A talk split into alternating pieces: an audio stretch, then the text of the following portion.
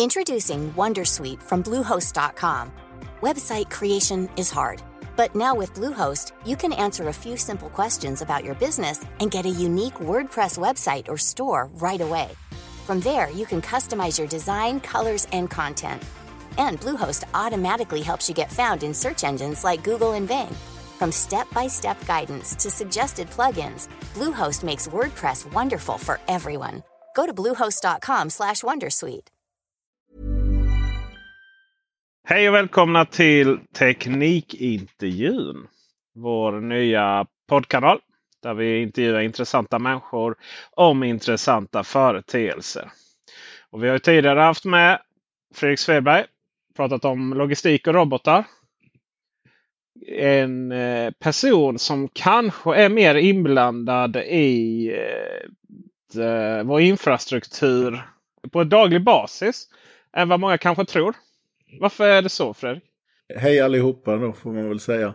Eh, i, I dagsläget så skulle jag väl säga att infrastrukturen som vi är delaktiga i handlar väl egentligen om alla eh, paket som kommer till, till människor som nu har blivit aktualiserade i, i dessa tider. När vi har flyttat från att gå till köpcentret ännu mer till att få leveranser hem. Eh, Logtrade har ju idag ungefär 3 500 varumärken som varje dygn skickar 200 000 paket. Alltifrån godis till barnvagnar till skor och lite annat. Ehm, så det är ju en infrastruktur i sig, men, men den långsiktiga visionen som vi jobbar på det är ju att försöka bli ett operativsystem för det som vi kallar det autonoma samhället. Alltså att ligga i bakgrunden och säga till en robot att nu ska du kalla på en lastbil för snart har du plockat klart jordgubbarna. För att sen lastbilen ska kunna säga till en garageport att öppna sig och sen be en liten robot komma och hämta jordgubbarna och ge det till en robotkock som gör en sallad. Vi, vi, är faktiskt till och med på den nivån att vi tittar på hur den här roboten ska ha med sig en storytelling och underhålla exempelvis en målare medan den målar en, en, en färgburk på en vägg. Några... Så att det blir väldigt snurrigt ibland i diskussionerna. Ja, jag kan tänka mig. Det är några år in i framtiden. Men eh, för vanliga dödliga så eh, jobbar ju du med de systemen som eh, när jag beställer någonting så ska någon antingen slå in manuellt eller med automatik skapa fraktsedel och skickas med rätt speditör och så vidare. Ni ligger bakom de systemen. Ja, och så ska du få ett sms och möjlighet att skicka en retur och ja, allt det här som man ser i det här mötet. Det. I samarbete med de stora transportörerna, alltifrån UPS och Postnord, men även till de här nya Last Mile som många pratar om, Instabox-boxarna och, och Budbee och Army och de här är ju, är ju partners där vi har jobbat väldigt nära och tagit fram deras tjänster. Cykelbud. Cykelbud. Jag hade en sån här intressant eh, upplevelse med Budbee nu. Jag hade nämligen eh, skrivit in, eller jag hade kvar min gamla adress när jag beställde från webbhallen. Och eh, det var ju lite problematiskt. Man hade ju gärna velat gå in och bara uppdatera där men det gick inte. utan de försökte leverera en dag, två dagar. Och sen tredje dagen då så kollade jag med kundtjänst. Men kan man inte liksom typ lösa det på något sätt? Ja men du kan spåra realtid vad den är. Eh, och så kan du möta upp dem. Och det var ju jättesmidigt så här. Man gick in redan på förmiddagen och sa ja, men du har mer än tio innan dig. Och du, vi förväntas leverera vid den här tidpunkten. Och så kunde man se den köra runt där i stan. Det eh, kändes jätteorganiserat. Och till slut så började ja, då var det nio kvar, åtta kvar, sju kvar. Så nu var det dags att ta mig till gamla adressen då. Och sen så när det var en kvar så levererades den då andra sidan kvarteret. Och så tänkte jag nu kommer min nya dator här eller chassi. Och sen kör, sen kör iväg ner till Willys. Så står den utanför i 20 minuter. jag bara, du hamnade i pausen. Paket? hade lunchpasta eller åt eftermiddag. Liksom. Du vet, det är ju den stora fördelen med autonoma leveransfordon att de behöver inte ha lunchpaus. Nej, det är ju fördel. Jag kan inte påstå att han verkade jätteengagerad i sitt jobb. Så det kan inte vara det han drömde om när han skulle bli stor så att säga. Nej, nästa uh, anledning till autonoma fordon. precis. Och, han, och en robot hade kanske varit roligare att prata med också. Vem vet. Ja, Men, en anledning vi... till att ladda den med en bra story eller en podd. Ja, verkligen. verkligen. Så här, lite tips hur man bygger dator. Uh, vi ska prata om Amazons intåg i Sverige. Och eh, Jag är jättefascinerad över storyn bakom. För det första så eh, är det ju inte bekräftat att Amazon ska etablera sig i Sverige. Det var en liten fadäs för något år sedan när man bjöd in till presskonferens. Och alla som jobbade inom den här världen visste ju att Amazon Cloud Services är inte samma sak som Amazon. Men det var ju en liten pinsam presskonferens det där. Eh, men nu vet vi ju att de eh, nu vet vi ju att de eh, har anställt väldigt många människor i Sverige. Amazon då. Inte Amazon Cloud Services. Och man vet att de jagar avtal och produkter ska vara i system och sådär nu under sommaren. Så vi vet med exceptionellt goda grunder att Amazon kommer till Sverige. Och Amazon i Sverige är ju någonting som många efterfrågar. Och min första fråga till dig. Varför vill alla ha Amazon till Sverige? Min första fråga är väl egentligen att man tror att allting som man idag ser som lite krångligt eller komplicerat tror man att Amazon har löst, vilket är ju en ganska stor myt. Eh, vi kan ju leka med den första tanken att bara för att du skulle köpa en sak på just Amazons marknadsplats så tror jag inte att Budbee-chauffören agerar annorlunda utanför Willys. det är liksom, den upplevelsen kommer inte förändras över en natt för att det blir Amazon. Det som är, det som är en stor skillnad får man komma ihåg i USA, där Amazon har ju sin hemmamarknad och, och delvis i Tyskland och Spanien där de är framgångsrika också. Det är att där är ju hemleveranser det normala och har ju varit väldigt länge för att människor är hemma. I Tyskland och Spanien har vi fortfarande en struktur med, med hemmafruar till en stor del som vi för länge sedan inte har haft i Sverige. Så vi är inte hemma. Nu är vi hemma på grund av corona. Och Därför har vi fått bygga en helt annan logistik med våra postombud eller ICA-ombud eller vad vi kallar det. För att vi, man vet ju aldrig när man får tag i folk annars då. Och det, det här löser sig inte för att Amazon kommer. Det, det är ju en annan strukturell problem. Det är ju hur vi bor och verkar och agerar. Och det andra tror jag också är att man har någon våt dröm över att bara för Amazon kommer så blir allting billigt. Alltså Amazon är inte billigt.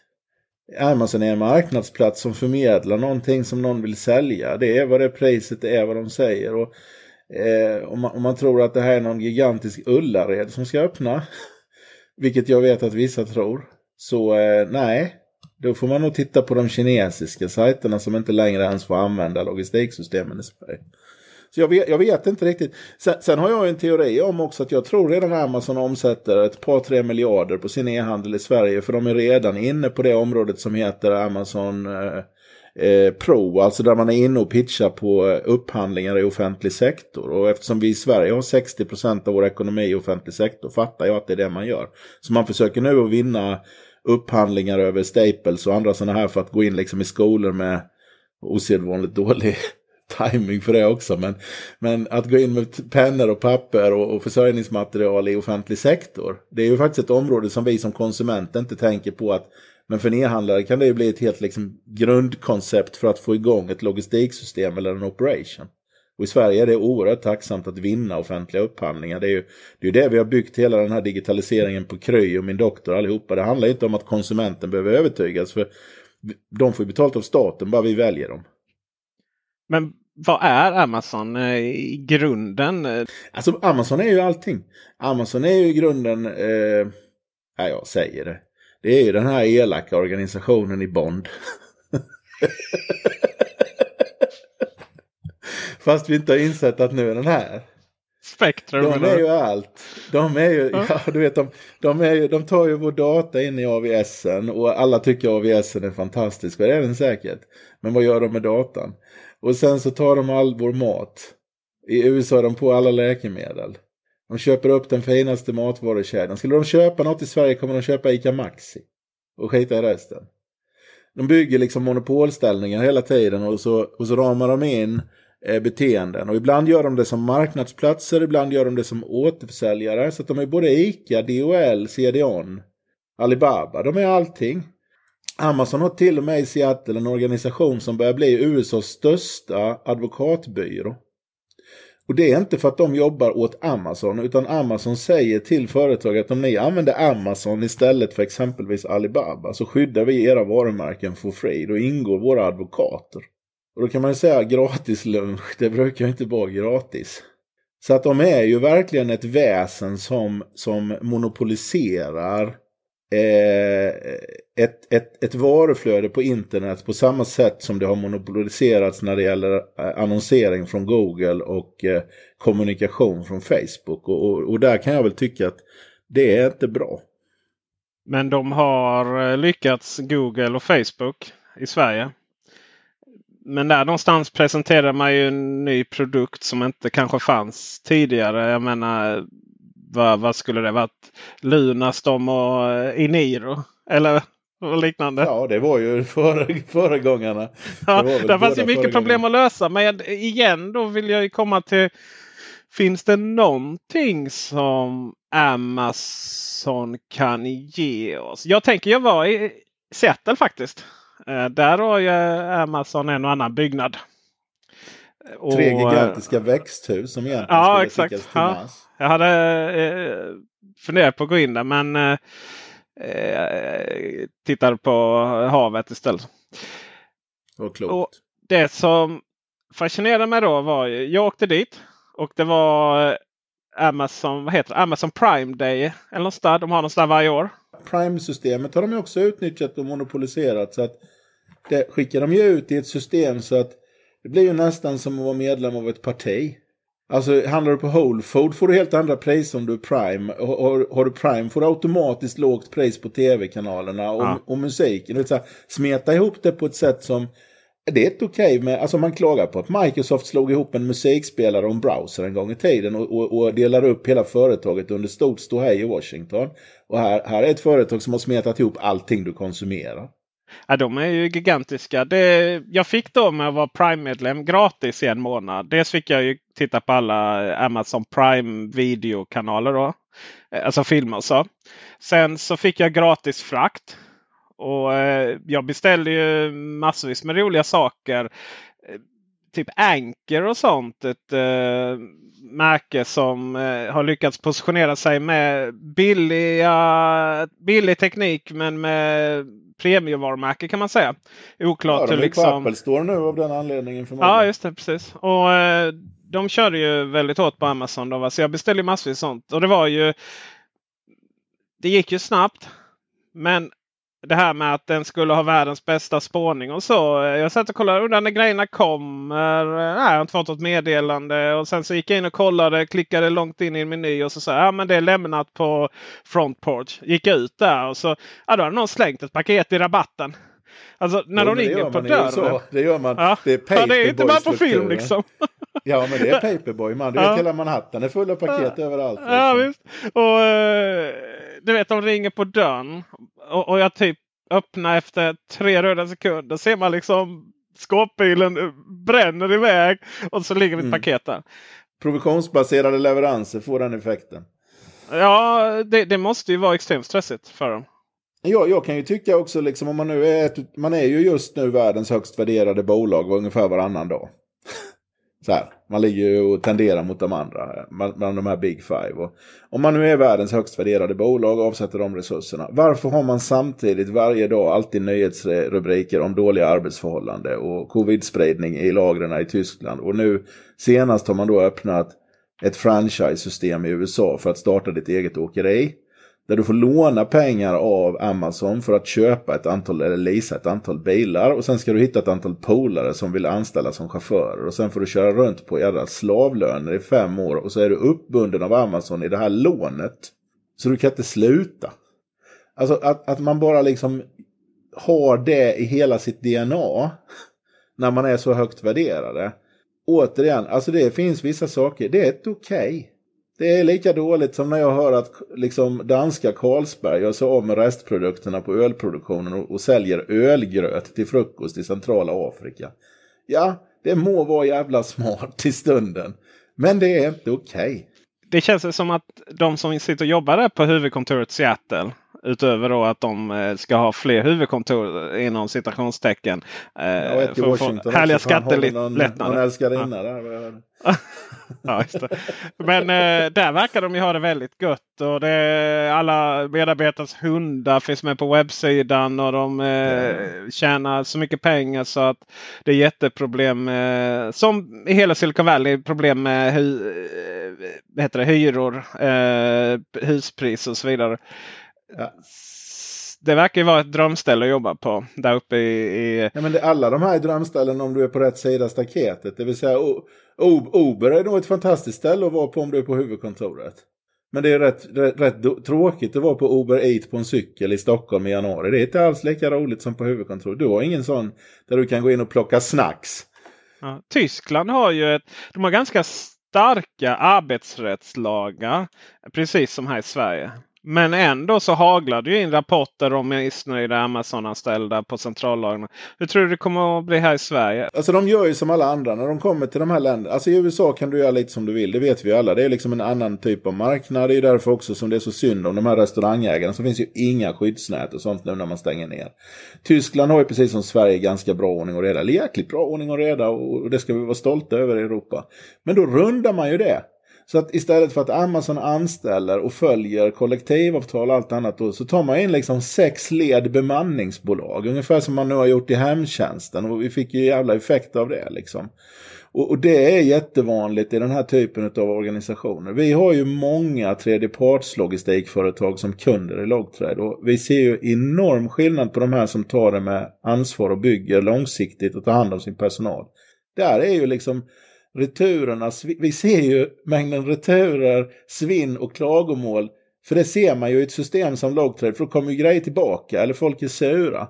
Och de här som tar hand om sin egen anställda personal gör det med kvalitet. Exempelvis eh, svenska statens postnords TPL-verksamhet, jättestora anläggningar i Helsingborg, eh, eh, uppe i Norrköping runt omkring. De har skitbra kvalitet för att de tar hand om sin personal. Alltså det här är ingen matematisk formel som du behöver klura på så länge. Sen finns det de som fulkör. Jag ska inte nämna de namnen här.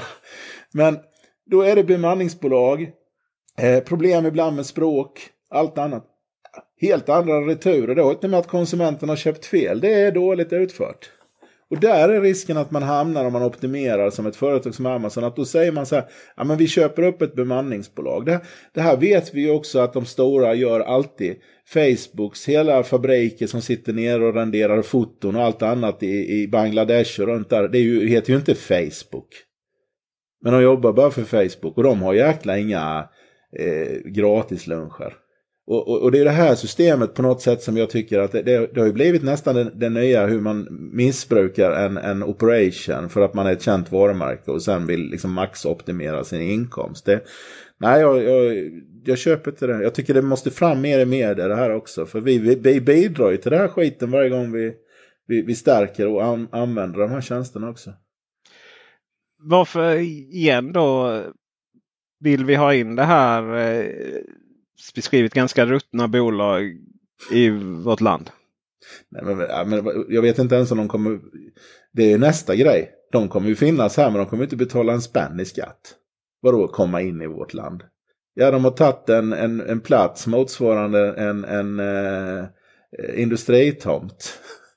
Eh, och, och, så har de anställt lite folk eh, i bemanningsbolag förmodligen. Ja, jag vet inte. Jag har inget behov av dem. Men man kan ju säga så här, vill de komma hit? Ja, förmodligen för att de vill ju bygga sitt monopol.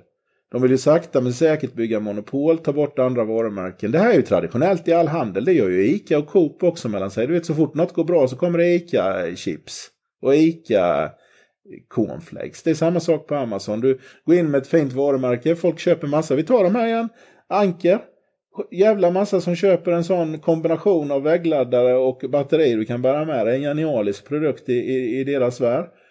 Ja, och så helt plötsligt så säljer den som fan. Då kommer en sån Amazon USB-laddare med väggladdare. Som heter Amazon A2. Som ska konkurrera ut Anker då. Liksom det, det är det här jag tror många e-handlare också missbedömer i det långa. Men det är ju också Hela det... med internet var ju oberoendet. Det är ju demokrati. Internet är demokrati. Här gör de tvärtom. Ja, jo.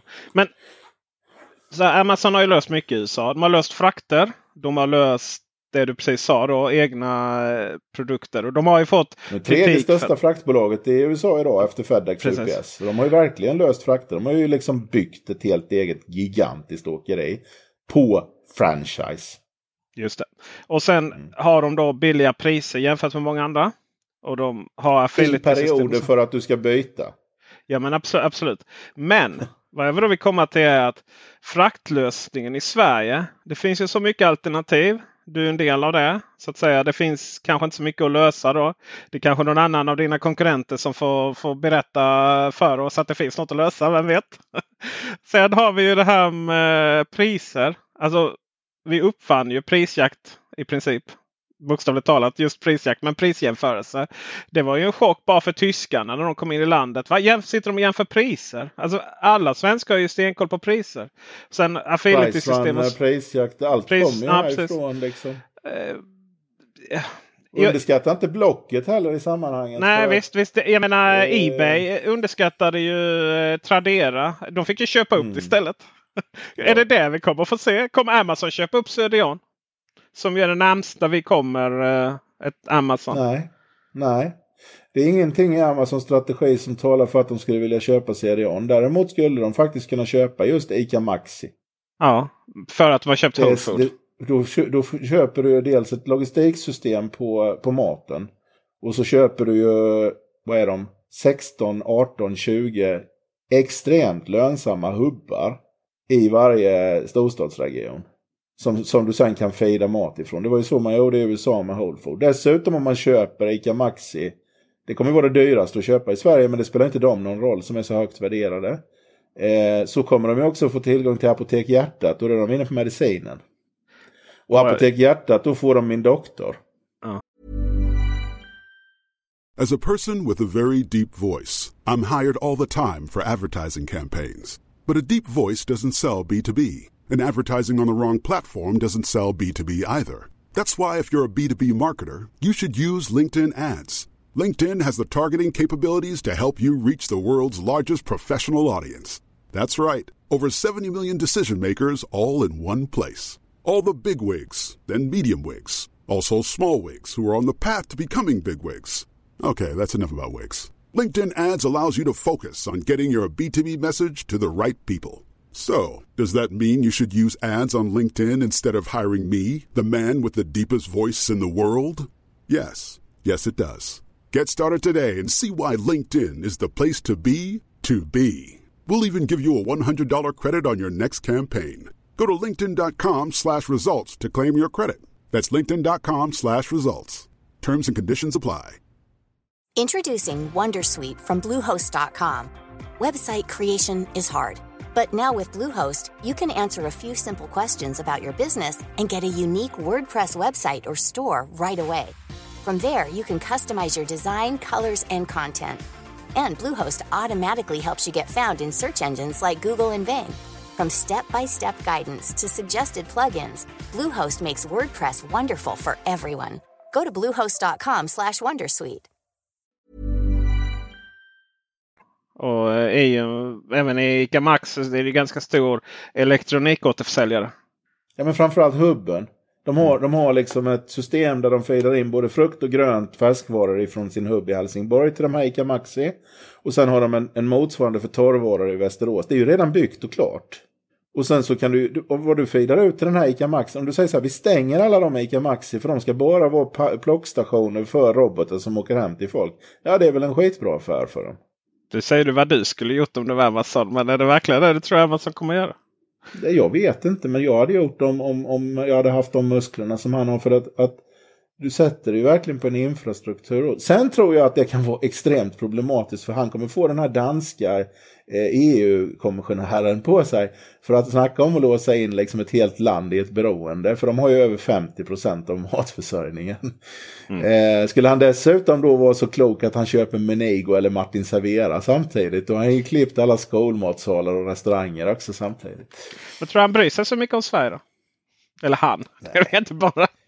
Nej, och det, det, det, där tycker jag faktiskt är en jäkligt intressant fråga i sammanhanget. Var, varför ska jag liksom lägga tid på Sverige? Unikt språk ligger i mitten och allting. Ja, och då, då är det många som säger tvärtom. Så här, ja, men alla andra bryr sig rätt mycket om Sverige för vi är liksom lite amerikaniserade och det här. Ja, Och det gör de i de fallen det är digitala tjänster. Så Microsoft testar ju mycket i Sverige och Facebook testar mycket i Sverige. Google testar mycket. Men det är ju, det är ju för att de vill testa liksom på en kopia av ett stort USA och så ändå inte avslöja att de testar. Det behovet har ju inte Amazon. Så, så det argumentet tycker jag fullständigt, eh, det flyger inte liksom. Eh, att man är i Sverige och Finland är förmodligen för att det är billigt att få el till sina datorhallar så att inte vi kan laga bröd i Skåne längre. Förmodligen, det är huvudanledningen. Så jag är inte, jag är inte övertygad om att de har en Sverigeplan. Liksom. Så mycket handlar vi inte. Du får nästan förklara den uh, metaforen där. Eller var det ju inte ens en metafor, det var ju ett faktum. Men vi har lite elbrist i Skåne. Vilket gör att det är svårt att dra in vi har, ju en, eh, vi, vi, har ju, vi har ju satt oss i en situation som är, är ohållbar. Allting började ju en gång i tiden med att vi ville bygga en bro.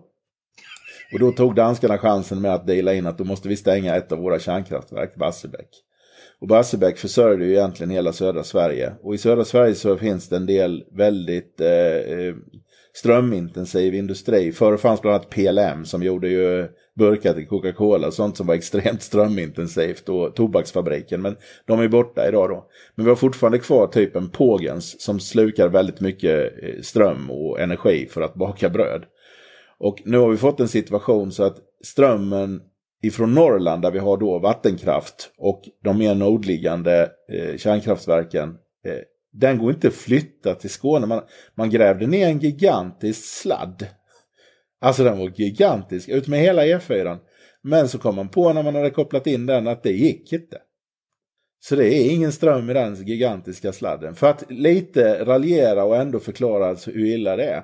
Så att vi kan hamna i Skåne ganska snart, ett par år framåt, i en situation som man har i Kalifornien. Att vi får börja berätta att nu får Bjärred ha stängt en stund för att Lomma måste laga mat. Så gör man i Kalifornien rätt mycket. För att vi har ingen lösning på detta. Vindkraftverken löser inte, solpanelerna löser inte och sladden funkar inte. Och vi har inget kärnkraftverk. Så att vi har satt oss i en situation. Och samtidigt så låter vi då eh, Facebook och andra bygga gigantiska eh, anläggningar runt eh, älvarna. För då får de ju gratis kyla. Eh, men vi använder inte övervärmen till något för där bor ju ingen. Och så tar de ju mer ström. Så även om sladden på sikt skulle fungera. Då har vi ändå ingen ström. Microsoft öppnade ju ett, uh, nu är det lite uh, off topic men... Då tar de väl det ja. sista. Vad skulle de göra i Staffanstorp? Jag vet inte. Staffanstorp för mig har ju alltid varit en jättestor Coop-anläggning där man gör mat till Ikea eller lagrar mat till Ikea framförallt. Jo men det är Gamla ju fysiska blåvitt. produkter. Ja men sen du vet så kommer det in helt plötsligt en datoranläggning där. Det har ju också varit ganska stora diskussioner i Staffanstorp och andra Skånekommuner om man ska hålla på att expandera på en sån fin jordmark som är klassad som klass 10. Ja, fast en datorhall kan man slänga upp. Ja, jag, jag, jag förstår inte relationen i detta riktigt. Det är ju inte så att en datorhall ger några arbetstillfällen heller. Det är ju också en myt. Det alltså verkar ju vara någonting tekniker. som ja, Facebooks eh, etablering där uppe var väl ett mycket stort statligt stöd till och det skulle vara eh, jätteskoj. Men eh, hur många människor kan jobba i en datahall? Liksom? Alltså det är under tio. Vaktmästaren? Alltså det största problemet när du bygger en datorhall som väldigt få känner till men som jag inte ska adressera i, i detalj men man ska adressera den ändå. Det är att en datorhall är ju utsatt för intrångsförsök exempelvis av främmande makts underrättelsetjänster. För om du inte kan hacka en, en servertjänst och leta upp vilka medborgare som är emot din regim eller något annat. Ja, du kan ju alltid borra dig in i datorhallen och få ut datan. Så att samtidigt som vi har fått in ett Facebook och tycker att vi har fått in en näring så har vi också fått en gigantisk kostnad för säkerhet. Vi kan ju inte ha amerikanska säkerhetsföretag eh, eh, eh som sköter säkerheten på svensk mark. Så nu har vi åkt på den kostnaden. Du sitter ju i eh, Skåne nu. Det ser man på eh, din bakgrund. Här. Mm. Fullt med lego. Gillar vi. Mm. Men du jobbar också ifrån uh, Paolo Alto. Är det så bra? Ja. ja. När jag kan resa gör jag det. Ja, just det. Jag jobbar från tre. Om man delar upp mitt år så jobbar jag ifrån halvtid ifrån Ystad och halvtid från Paolo Alto, ena uppdelningen. Och sen jobbar jag lite också ifrån en ort i Frankrike som heter Val Thorens. Som och en rolig anekdot med alla de här tre orterna är att de är ungefär lika stora och har varsin bio. Så jag verkar ha hittat ett format där jag vill bo. Jag vet inte, jag, jag, jag har försökt analysera detta. Men, men det är ett faktum. Paolo Alto är alltså exakt lika stor kommunmässigt som Ystad och, och Valtorans också. Det är ungefär 30 000 invånare med grannkommunerna. Så här, ja. Det verkar vara där jag trivs. I den storleken. Just i Paolo Alto så är det ju inte så. eh, Det är svårt att se var eh, stadsgränserna slutar. I Silicon Valley. Ja, det är Det är, omöjligt. det, det är ju bebyggelse hela Ja. vägen liksom. Upp till San Ja, Francisco. Ja. Men vad gör du där då? I USA Eh, I då? Inte Alto Frankrike. så, eh, vi, alltså man, man kan säga så här, vi gör egentligen inte annorlunda saker i Palo Alto än vad vi gör i Sverige.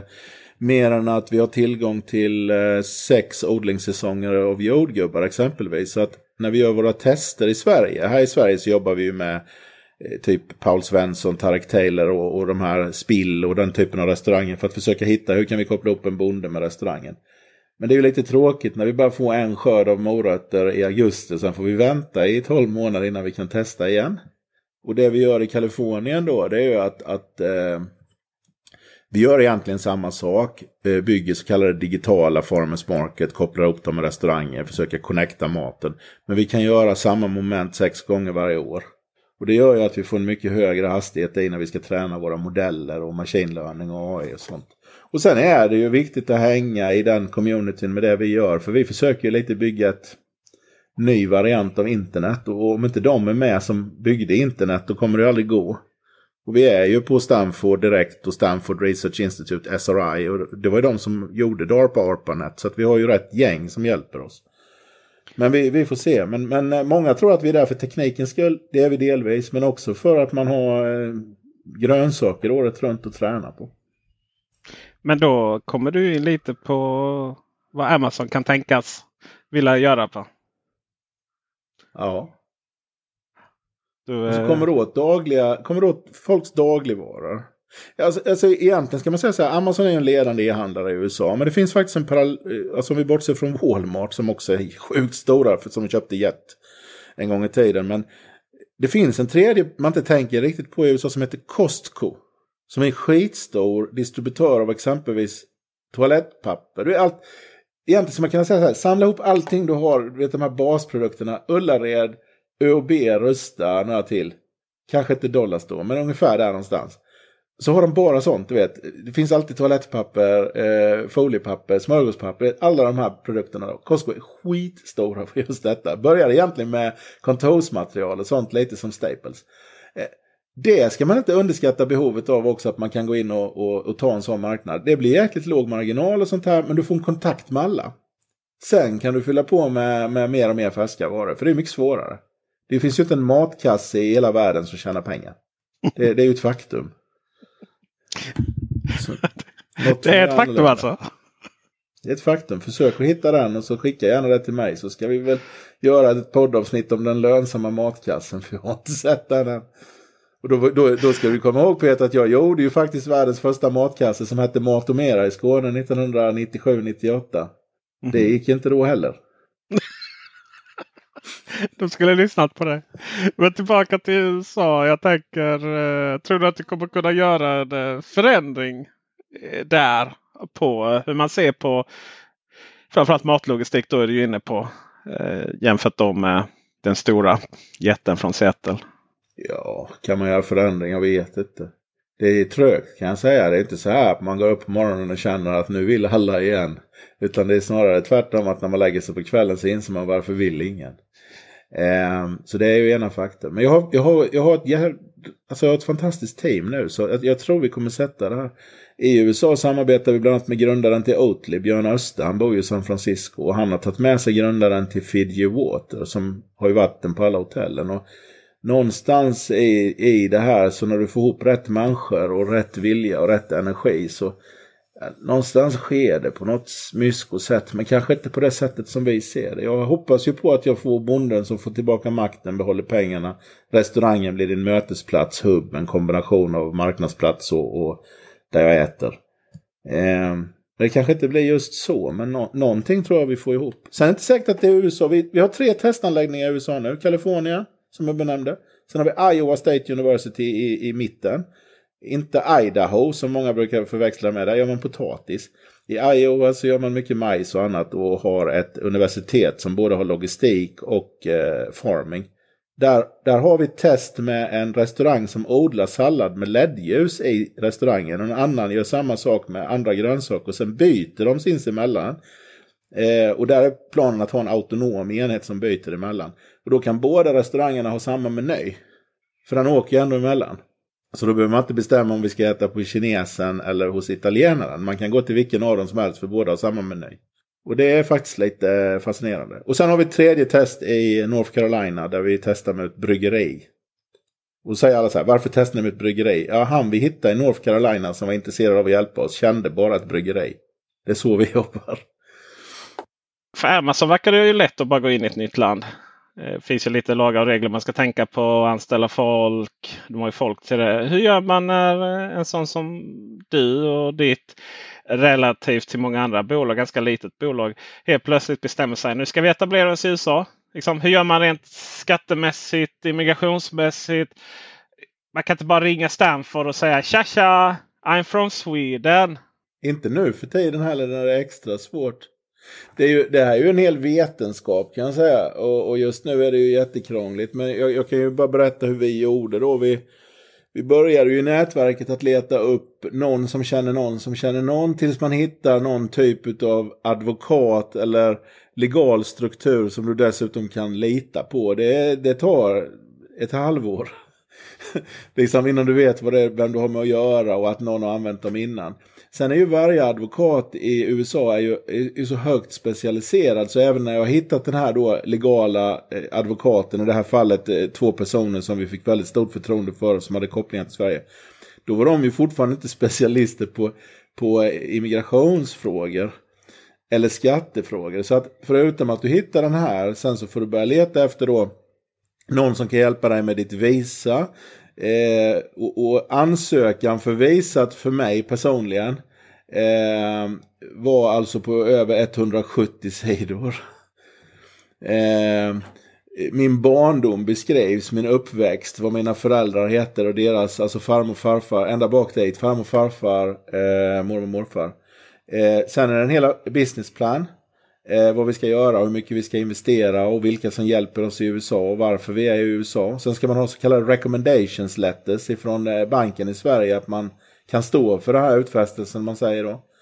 Och sen, sen kommer man till den här lilla detaljen, var ska jag nu registrera mitt bolag? För USA är ju som EU, det är ju delstater.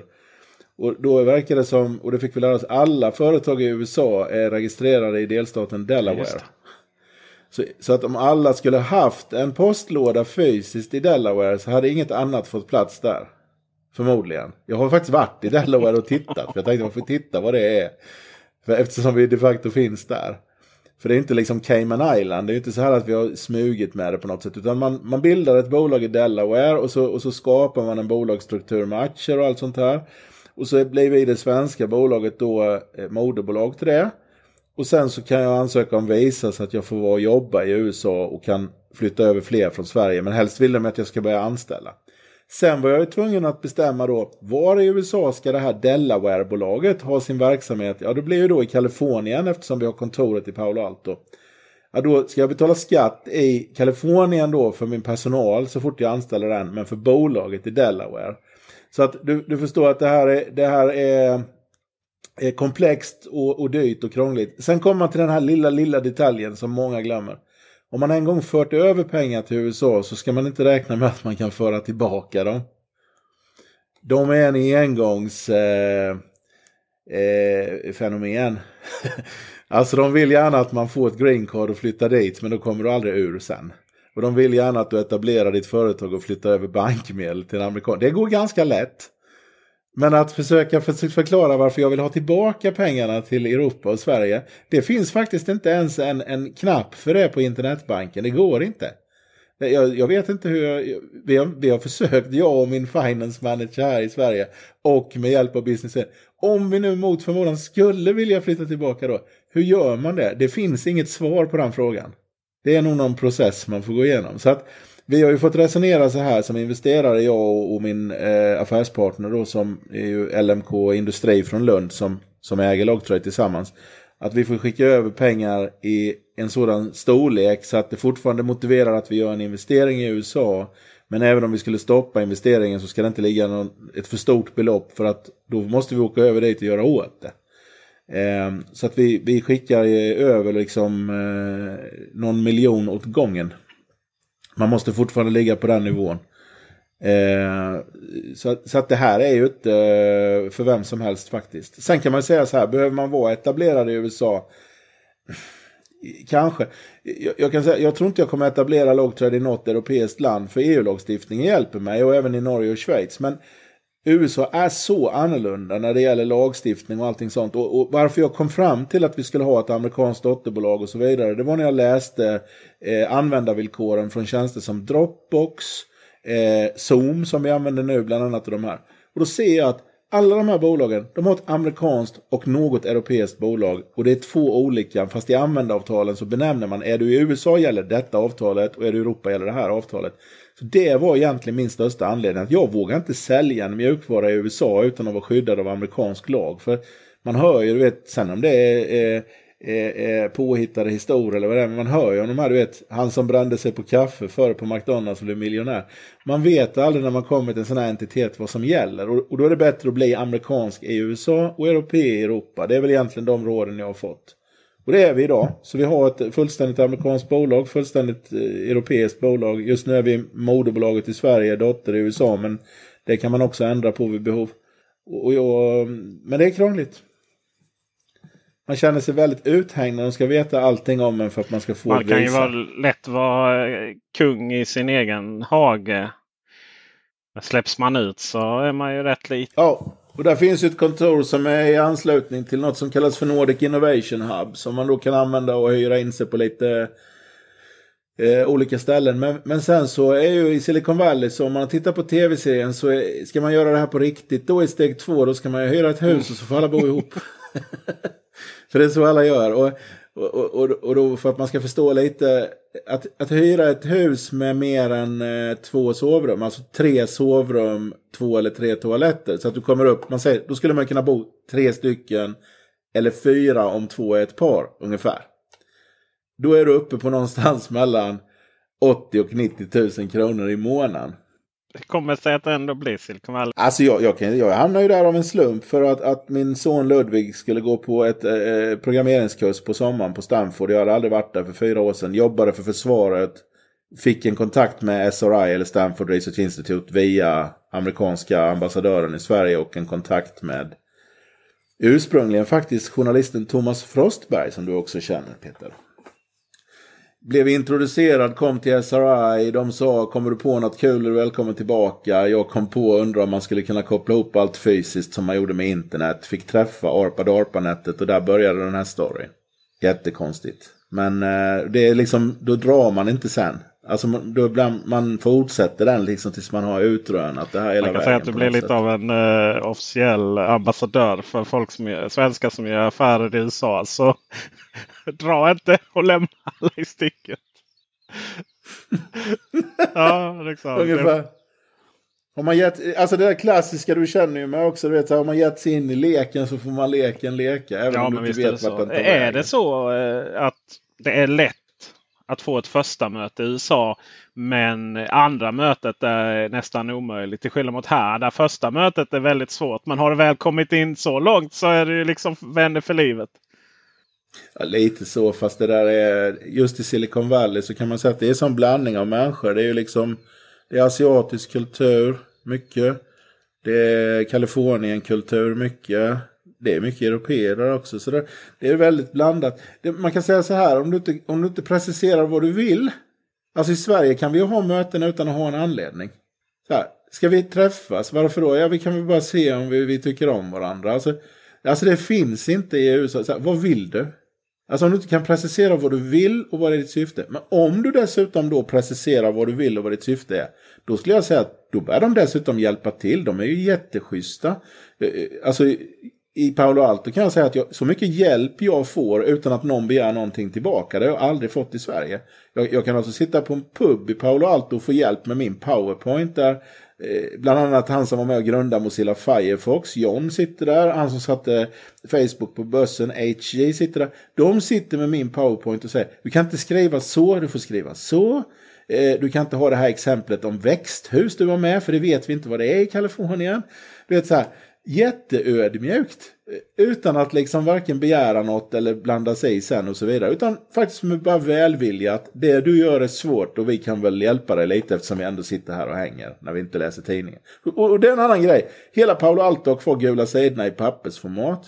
Alltså katalog. Och på puben så läser de här gubbarna och även på frukosten är ute så läser de papperstidningen. Och, och liksom här uppfanns allting. Så att det kan man väl också. Jag har faktiskt köpt ett anteckningsbok så sent som igår nu. För jag tänkte att man kanske ska börja med papper lite igen. För det kan vara bra balans. och där. Eh, jag måste. För, för att dra ihop säcken lite så måste jag ändå eh, visioner.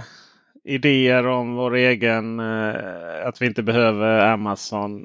Men vad tror du Amazon är i Sverige om tre år? Alltså jag tror Amazon är i Sverige redan som jag har sagt. Även om de inte har sitt lager här och, och uppträder på liksom som en svensk eh, Amazon. Man behöver ju inte det i Sverige. Vi är ju jätteduktiga på engelska. Eh, men det är klart att de är här på något sätt. Men det finns ju lite sådana här nischgrejer som man inte ska underskatta runt Amazon. House är ju en sån jag har pratat en del om som finns från Paolo Alto. Som bara håller på med heminredning och design som är jättestora idag. Så att om Amazon blir liksom det Amazon är i USA? Nej, det tror jag inte, för vi är inte Amerika. Men de kommer ju vara en e-handels...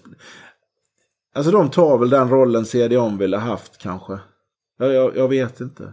Men offentlig sektor ska vi inte heller underskatta. De, där är mycket pengar.